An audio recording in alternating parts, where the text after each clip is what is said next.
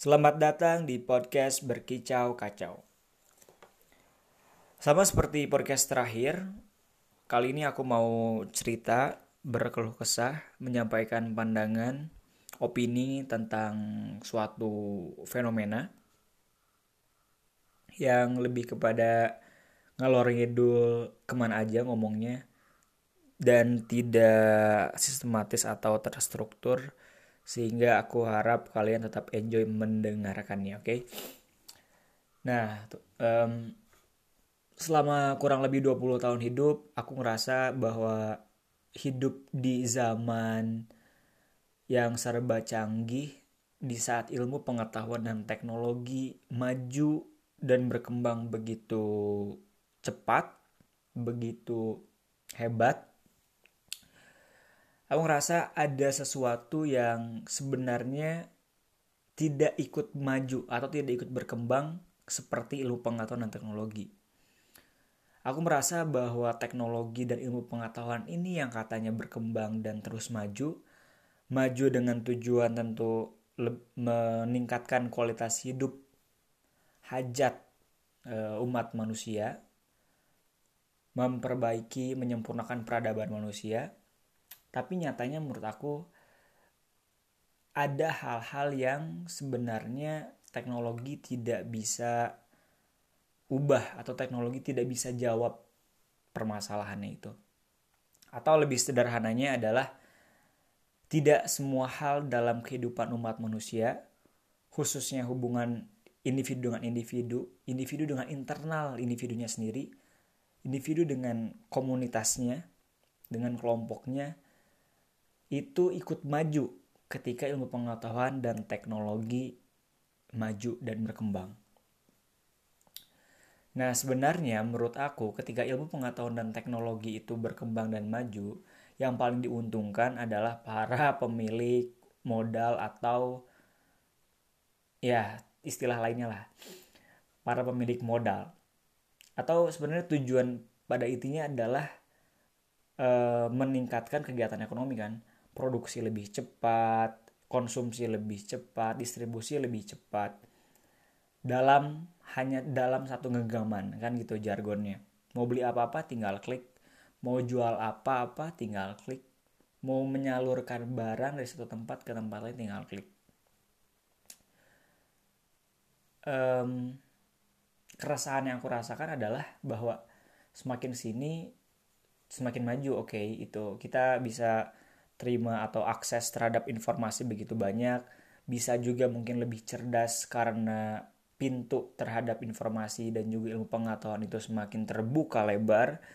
Semakin tidak ada sekat antara Indonesia dengan Singapura Indonesia dengan Amerika. Misalnya kita tetap bisa mengikuti perkuliahan di Harvard gitu misalnya. Tetap bisa ngikutin ceramahnya Yuval Noah Harari. Bisa dengerin ceramahnya Bill Gates dan semua atau lain ilmuwan lainnya. E, kerasaan ini berlangsung cukup lama gitu tentang disrupsi lah tentang teknologi, tentang media sosial dan internet yang sebenarnya kemajuan atau kecanggihan dunia yang kita tinggali saat ini tidaklah benar-benar atau ada bagian lain yang sebenarnya mengikis atau mereduksi kehidupan kita sebagai manusia. Nah, itu poin pertamanya. Aku resah dan merasa tidak nyaman sebenarnya dengan hiruk pikuk dan geliat kehidupan modern yang serba cepat, serba canggih, serba instan. Kita dituntut untuk cepat gitu kan. Informasi setiap setiap waktu ada informasi baru, informasi terus diproduksi. Terus media sosial kita dengan adanya media sosial kita merasa bahwa diri kita leluasa dan fleksibel untuk mengatur waktu. Bisa dengan mudah mengiyakan tawaran permohonan permintaan orang-orang. Bisa dalam satu waktu yang bersamaan berkomunikasi dengan banyak orang. Kemudahan dalam tanda kutip kemudahan komunikasi tersebut membuat kita merasa kita luasa, kita luang sehingga kita asik aja gitu untuk join grup satu, join grup dua, join grup tiga untuk bilang iya ke satu, dua, tiga orang lalu juga menjalin komunikasi, eh, membuat perjanjian, membuat komitmen pertemuan dan lain sebagainya yang katanya itu adalah kemudahan komunikasi tetapi pada akhirnya kita justru malah jauh lebih sibuk ketika ada media sosial. Waktu kita jauh lebih tersita ketika ada media sosial. Jadi kan itu sebenarnya mereduksi hubungan antar manusia menurutku ya. Ada keresahan semacam itulah. Belum lagi banjir informasi eh, di media sosial yang diproduksi oleh semua orang karena semua orang berlaga pintar atau lebih tepatnya karena semua orang punya hak dan punya kesempatan yang sama untuk menyampaikan argumentasi mengenai sesuatu hal atau menyampaikan pandangannya yang pandangan itu juga bisa diaminkan oleh orang lain dibagikan di viralkan mungkin bisa seperti itu. Amat sangat informasi amat sangat banyak informasi yang kita cerna setiap harinya tapi kita mempertanyakan makna menurut aku kita harus mempertanyakan makna sebenarnya dari informasi yang begitu banyak itu mana sih yang sebenarnya benar-benar bermakna untuk kehidupan kita. Yang benar-benar membuat batin kita penuh, pikiran kita berisi. Nah, ada keresahan mengenai kehidupan geliat geliat kehidupan modern lah. Pertanyaannya adalah ketika ilmu pengetahuan dan teknologi meningkat pesat, berkembang dan menjadi maju, tapi kenapa ketimpangan itu juga menjadi tinggi juga? Atau orang yang susah juga tetap jadi tetap banyak dan juga keresahan atau kebahagiaan, kepenuhan batin setiap individu. Manusia yang menjadi bagian dari sosial itu semakin terkikis ya, semakin miskin. Orang-orang semakin cerdas tapi semakin miskin adab. Ya itulah fenomena hidup dalam hiruk pikuk kehidupan modern. Ada keresahan seperti itu. Tapi itu di dulu poin pertamanya itu ada keresahan seperti itu. Lalu selanjutnya poin kedua yang aku ingin aku ceritakan biar runut adalah beberapa waktu lalu aku mencari literatur mengenai disrupsi uh, aku dapat jurnal filsafat kalau tidak salah jurnal dari Universitas Atmajaya. Penulisnya kalau tidak salah namanya Johannius apa gitu ya, dua kata. Tapi aku lupa nama lengkapnya apa. Judul jurnalnya adalah disrupsi eh, tantangan untuk lembaga perguruan atau pendidikan tinggi kalau tidak salah. Dan judulnya lebih panjang tapi intinya seperti itu. Lalu uh, aku baca dan jurnalnya cukup komprehensif dan enak untuk dibaca. Dia me mengutip banyak pemikir dan tokoh tentang disrupsi. Nah, di Indonesia menurut aku, aku sebagai orang awam yang tidak terlalu apa ya, melek atau tidak terlalu tahu banyak tentang dunia dan Indonesia, eh, kata atau istilah disruption atau disrupsi itu mungkin baru terdengar di telinga aku akhir-akhir ini semenjak masuk kuliah lah mungkin. Atau ketika eh, SMA juga kayaknya belum kenal istilah disrupsi deh. Kayaknya ya kuliah lah akrab dengan istilah itu mulai mengetahui mulai tahu. Dan secara khusus sih mungkin karena ada sosok Renald Kasali yang memperkenalkan uh, disrupsi ke orang Indonesia. Dia niat banget kan bahas disrupsi karena sampai-sampai buat uh, series on disruption yang ada empat jilid bukunya itu. Itu membuktikan bahwa dia sangat niat membahas mengkaji dan menyebarkan literasi mengenai disrupsi.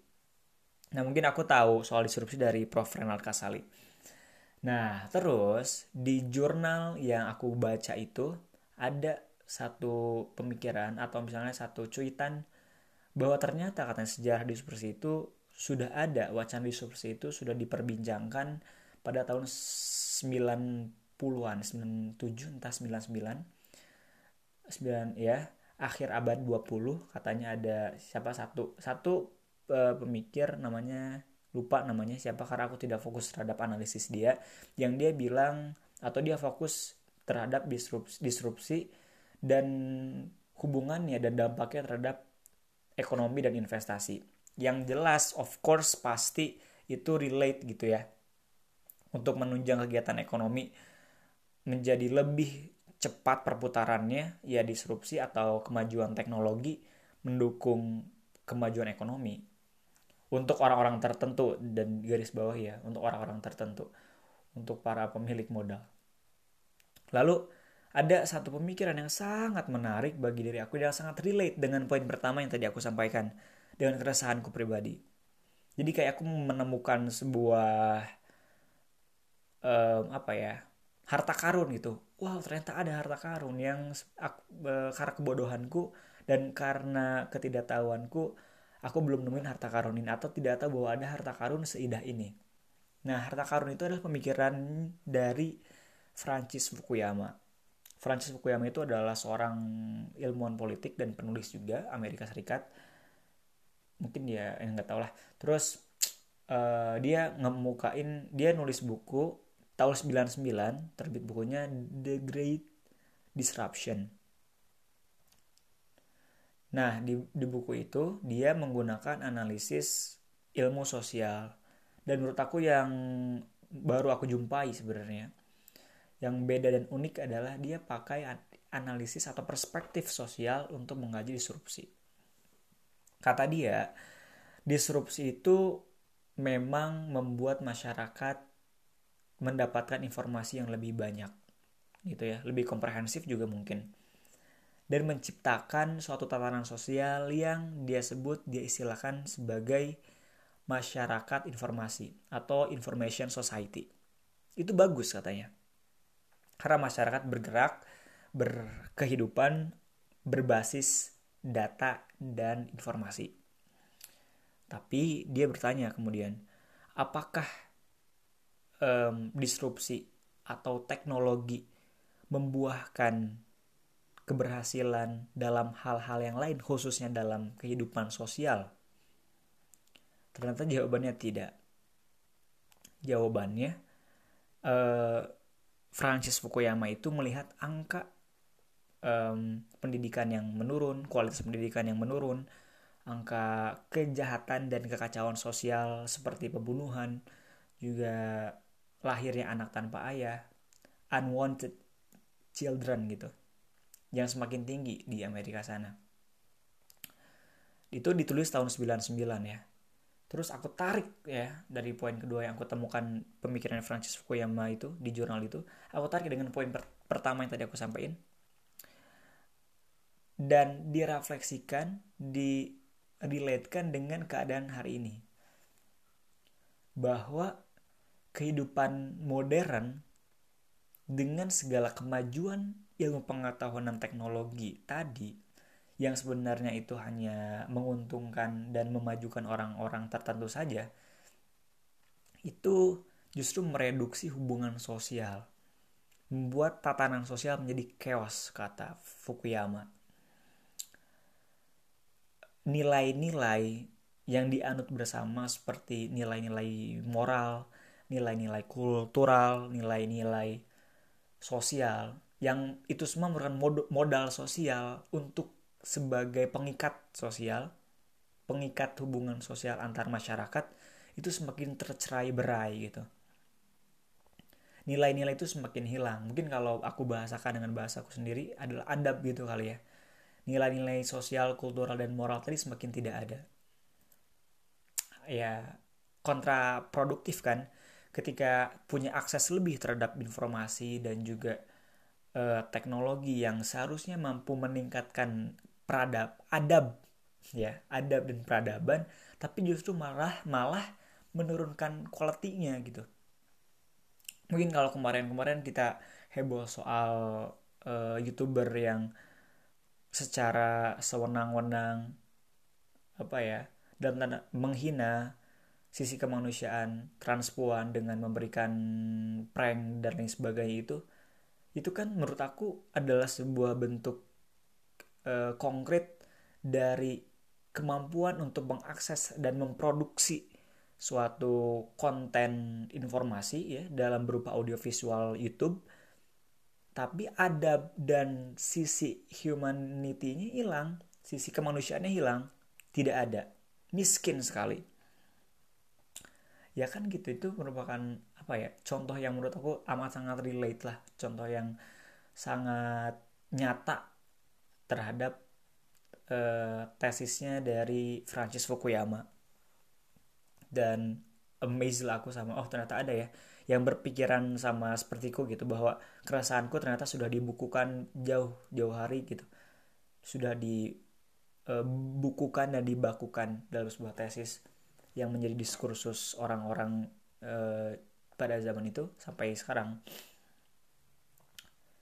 Dan um, uniknya ya kehidupan modern ini ini aku mengaitkan lagi. Tadi poin poin pertama kedua dan ini poin selanjutnya poin ketiga adalah kehidupan modern yang didasari dengan gerak teknologi dan arus ekonomi yang begitu cepat itu melahirkan suatu fenomena yang dinamakan dengan alienasi. Nah, poin ketiga adalah alienasi. Alienasi ini fenomena atau konsep eh, apa ya? individu diri kita yang merupakan bagian dari sosial tapi kita merasa bahwa diri kita terasing kita merasa bahwa diri kita sendiri, sepi, sunyi. Gitu. Dan pemikiran alienasi ini e, sebenarnya banyak filsuf yang bahas yaitu siapa ya? Pertama sejarahnya itu aku baca di Indo Progress kalian bisa baca. Baca aja search di Google keywordnya konsep alienasi Indo Progress tar ada. Nah, Hegel, filsuf yang bahas tuh Hegel juga uh, Ludwig Feuerbach eh, bahasa Jerman gitu kan. Ludwig Feuerbach juga of course absolutely Karl Marx. Jadi ini paham Marxisme juga alienasi jadi bagian. Dan juga dikaji di kemudian hari oleh psikolog psikoanalisis Erich Fromm. Dan ya Erich Fromm juga mungkin sedikit banyak uh, terinspirasi dari Karl Marx sekali dan yang pada muaranya kalau misalnya si Hegel tuh beda lagi itu dengan spirit ketuhanan. Motif e, melahirkan apa konsep alienasi. Nah yang aku akan aku pakai adalah kita berpijak pada pemikirannya Karl Marx sama Erich Fromm khususnya Erich Fromm dan dengan kaitannya dengan psikologi. Jadi kata mereka e, kalau yang aku tangkap dan pahami sih adalah perasaan keterasingan dan um, sendiri tadi itu diakibatkan oleh ya kemajuan eh, teknologi dalam rupa mesin-mesin korporat ya perusahaan besar yang memperkerjakan orang tapi orang dan atau karyawan itu merasa terasing karena eh, modal atau si modal baik berupa material duit atau misalnya mesin itu posisinya lebih tinggi, lebih didewakan daripada pekerja itu sendiri. Jadi pekerja hanya berperan atau ber, ber, bertugas sebagai uh, apa ya pelengkap atau eksekutor dari jalannya mesin. Nah, atas dari itu, kalau Eric Fromm dia bagi keempat bagian lah kalau nggak salah eh, bentuk-bentuk si alienasinya. Nah, karena sistem ekonomi dan juga kehidupan sosial yang tercerai berai akibat adanya sistem ekonomi tadi membuat manusia atau individu merasa sendiri, terasing, berada di tengah lingkaran dan hiruk pikuk yang begitu ramai. Sederhananya seperti itu. Mungkin juga aku e, belum bisa memahami itu secara menyeluruh kali ya. Jadi bisa kamu baca, bisa kalian baca, biar kalian bisa ngerti dan nangkep sendiri juga. Nah, terus uh, alienasi ini sangat relate juga ternyata ya dengan kehidupan saat ini. Kalau misalnya Erich Fromm, dia juga bahas secara khusus keterkaitan antara kehidupan modern dan alienasi. Di samping alienasi uh, adalah buah dari sistem ekonomi tadi dan tentu juga adalah buah dari kehidupan masyarakat dan kebudayaan modern jadi ngerasa sendiri tadi juga aku udah sampein kayak uh, kita mungkin nggak ngelihat HP itu pas kita tidur doang gitu jadi kita interact sama gawai itu kayak hampir 24 jam kurang waktu tidur doang gitu kan Nah, dari kemajuan teknologi informasi komunikasi tadi dalam bentuk khususnya aku sampaikan media sosial dan internet membuat kita justru lebih merasa sendiri. Alienasi tadi gitu. Terlepas itu poin utamanya adalah merasa terasing dari sistem ekonomi tadi ya, yang korporasi, perusahaan besar, mesin-mesin. Dan sekarang gitu, kita mulai itu poin ketiga. Sekarang ini menjelang masuk poin keempat eh, banyak orang yang ngerasa sendiri kan banyak orang yang stres frustasi banyak orang dalam tanda dalam tanda kutip gila yang menjadikan media sosial sebagai sahabat karib untuk apa ya mencurahkan segala keluh kesah kehidupannya. Kita kan gak susah untuk nyari orang di timeline lain yang curhat tentang masalahnya apa pun itu. Kita juga nggak susah untuk nyari orang yang ngambuk-ngambuk di Instagram. Nggak susah apalagi di Twitter mungkin orang yang buat thread untuk marah marah-marah untuk sedih-sedih galau-galau. Pokoknya intinya curhat. Kan nggak susah. Nah itu merupakan menurut aku bentuk dari alienasi itu sendiri. Merasa terasing sendiri sehingga seperti atau seolah-olah tidak ada lagi manusia yang bisa dijadikan tempat bercerita akhirnya memilih media sosial. Karena udah akrab banget sama media sosial melebihi kedekatan atau keakrabannya dengan manusia. Ya kan? Makanya secara pribadi kadang aku juga kadang ya kadang.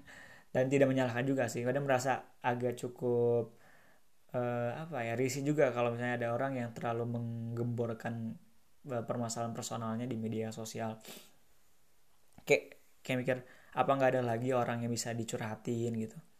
Ya kan malah ntar kan orang baca ada asumsi lain ada persepsi yang keliru dan lain sebagainya. Gitu. Nah banyak orang yang stres banyak orang yang e, gila mungkin ya banyak orang yang frustasi yang intinya karena ngerasa sendiri dan bener-bener lonely gitu kesepian. Nah itu diakibatkan dari tadi ya rentetannya antara poin pertama keresahan aku poin kedua eh, kehidupan modern. Yang ketiga tadi alienasi. Ya begitulah. Itu menjadi rantai yang saling berkaitan eh, satu sama lain. Dan poin keempatnya adalah yang yang sampaikan dimulai dengan pertanyaan kenapa isu mental health atau kesehatan mental sekarang ini menjadi isu yang begitu ramai diperbincangkan. Kayak semua orang tuh bahas uh, kesehatan mental, orang atau temen orang yang nggak bergulut di uh, ilmu psikologi gitu ya, teman-temanku yang apa, yang secara akademis belajar psikologi di di luar di di luar uh, teman-teman yang belajar psikologi, orang-orang pun ikut ramai untuk membincangkan atau membahas tentang mental health gitu. Istilah kayak self healing mindfulness ya isu-isu psikologi tuh toxic positivity. Itu kan menurut aku sih ya mungkin secara jurnal dan itu mungkin udah ada sejak jauh-jauh hari mungkin tapi baru eksis dan diperdengarkan kan hari-hari hari hari ini gitu baru-baru ini. Nah poin 4 adalah kenapa aku ulangi lagi pertanyaannya kenapa mental health menjadi isu yang seksi di atau pada pada hari ini. Ya kan? Kayak banyak gerakan-gerakan komunitas-komunitas yang ingin memberantas eh, apa ingin menyehatkan kesehatan mental orang-orang. Banyak layanan-layanan publik uh, yang sifatnya online ataupun tatap muka yang menyediakan pelayanan bercerita, berkeluh kesah, teman cerita gitu-gitu kan. Banyak kan uh, campaign tentang menjaga diri, menjaga kesehatan diri, maksud kesehatan mental diri kita kan menjamur banget gitu dan ini menjadi rentetan yang sangat runut menurut aku dimulai dari poin kedua aja lah poin kedua antara kehidupan modern alienasi dan kesehatan mental Makanya itu tajuk dari podcast yang sekarang. Kesehatan mental, kesehatan mental, walaupun itu adalah kajian anak psikologi, pada pada eh, waktu-waktu sekarang itu tidak lagi hanya dibaca atau di disampaikan oleh anak psikologi ya anak teknik anak aku pun misalnya anak uh, budaya anak uh, fisip semua talk about mental health.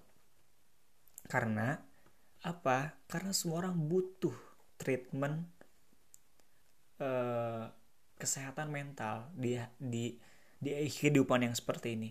Ya tadi adalah implikasi dari kehidupan modern merasa keterasingan dengan alienasi tadi dan berdampak pada kesehatan mental kita hari ini.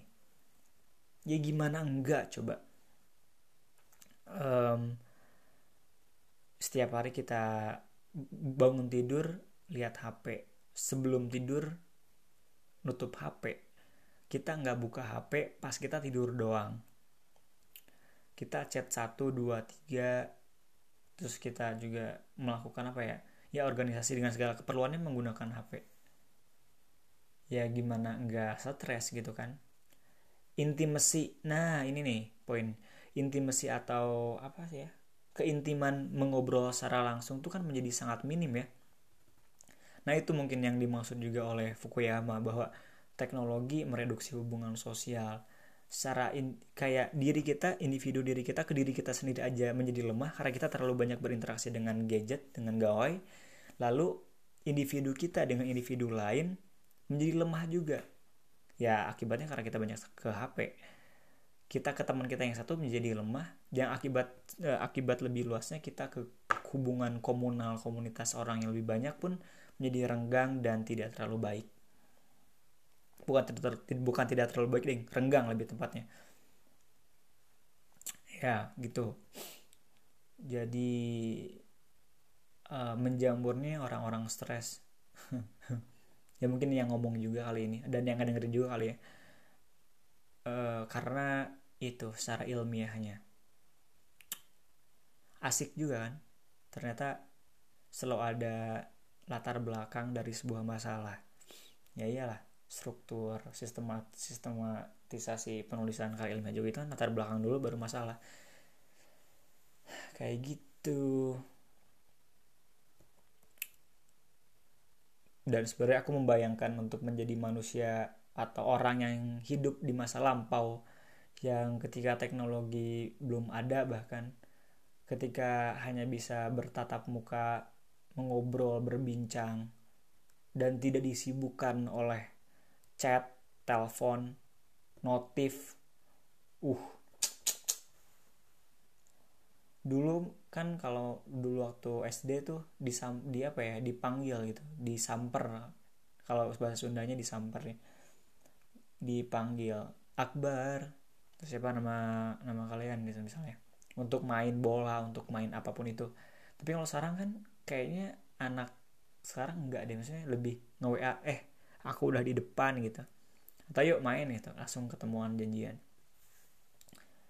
Itu hal kecil aja sih dan apalagi sekarang lagi adanya virus corona ini ada imbauan apa untuk di rumah aja dan segala kebijakan PSBB gitu-gitu ngebuat kemungkinan sakitnya mental lebih tinggi kan. Karena kuliah hanya online bekerja juga dari rumah pelayanan walaupun mungkin bank dan lain sebagainya tetap buka tapi jam bukanya kan di apa ya dikurangi. Dan juga pelayanan onlinenya dikedepankan mungkin.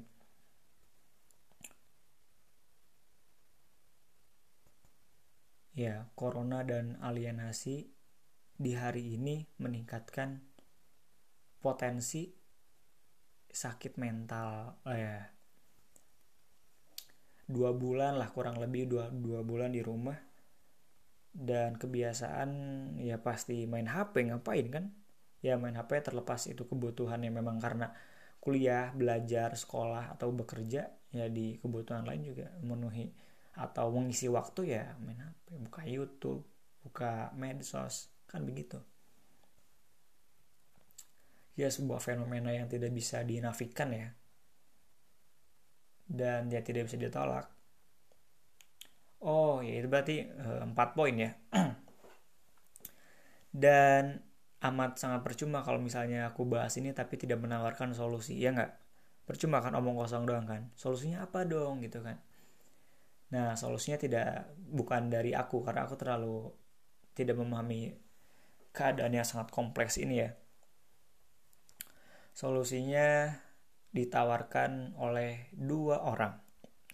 Yang pertama oleh Francis Fukuyama karena dia udah mengkaji menganalisis segala problemnya sehingga dia bisa membuahkan solusi. Solusi dari Francis Fukuyama adalah dua katanya. Yang pertama, kita lebih memahami dan menyadari bahwa kita itu kodratnya sebagai manusia. Dan yang kedua, kita lebih mengorganisasi diri lagi-lagi sebagai manusia untuk bisa membentuk tatanan sosial yang ideal yang sesuai dengan kebaikan dan keindahan berkehidupan sosial. Jadi itu kata Francis Fukuyama. Yang pertama, menyadari kodrat kita sebagai manusia yang punya perasaan, punya emosi, mungkin begitu elaborate-nya. Dan yang kedua, mengorganisasi diri sebagai bagian dari sosial untuk membentuk ya menyusun menata ulang atau menata kembali lah kita eh, tatanan sosial nah dari poin kedua atau solusi kedua dari Fukuyama itu adalah eh, arti lainnya kita jangan sampai ditindas dijajah oleh teknologi atau digerakkan oleh teknologi. Padahal kan teknologi bagian dari kebudayaan manusia bagian dari atau teknologi kan yang di, yang nyiptain manusia tapi kok pada keberjalanannya pada akhirnya malah manusia yang digerakkan oleh teknologi. Kan nggak benar kalau gitu kan. Nah makanya kita harus mengorganisasi diri untuk membentuk tatanan sosial itu. Bahwa adanya inovasi dalam bentuk teknologi sebagai bentuk dengan tujuan memajukan kehidupan umat manusia ya harusnya kita yang harus bisa mengendalikan kemajuan itu. Bukan akhirnya kita yang dikendalikan sehingga peradaban kita menurun gitu. Nah itu kata Fukuyama kata ada lagi satu lagi kata Yuval Noah Harari dia nulis uh, artikel World After Coronavirus dunia setelah virus corona. Nah dia uh, ngajuin juga dua dua apa ya? Dua solusi. Yang pertama itu apa ya pengawasan kalau tidak salah. Kalau tidak salah. Nah yang kedua adalah solidaritas global. Jadi solidaritas global dalam menangani corona secara khusus ya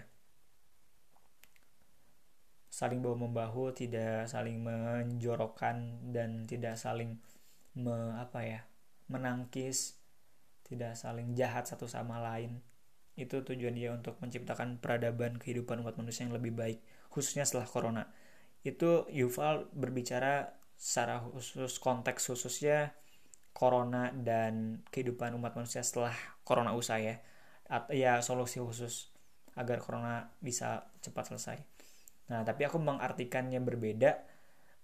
Eh, solidaritas global itu menjadi uh, apa ya penyadaran terhadap hakikat manusia juga bahwa kita tidak bisa individualis kan maksudnya tetap butuh orang atau pihak lain untuk menciptakan kehidupan yang baik yang indah gitu baik itu skalanya uh, paling rendah skala paling sempit diri sendiri juga lebih luasnya diri sendiri ke orang lain ke masyarakat uh, lebih luasnya negara orang lingkup negara Indonesia dan juga penghuni dunia, penghuni bumi. Gitu mungkin kalau artu kalau aku artikan secara general perkataannya Yuval. Jadi gitu. Uh, ya judulnya adalah kehidupan modern, alienasi dan kesehatan mental. Kesehatan mental. Ya. Semoga kesehatan mental kita oke-oke aja, sehat-sehat aja, baik-baik aja, tidak terlalu banyak terdistraksi oleh eh, hal-hal uh, yang tidak seharusnya mengganggu walaupun pasti terganggu tapi semoga tidak terlalu banyak aku katakan mungkin gitu aja ya semoga ada manfaatnya semoga ada pencerahan semoga ada refleksi yang bisa kalian lakukan di rumah. Ada kontemplasi bermanfaat dan bermakna sehingga bisa melahirkan pemikiran, pandangan, dan uh, tindakan yang tepat sebagai manusia. Yang punya akal dan juga punya rasa.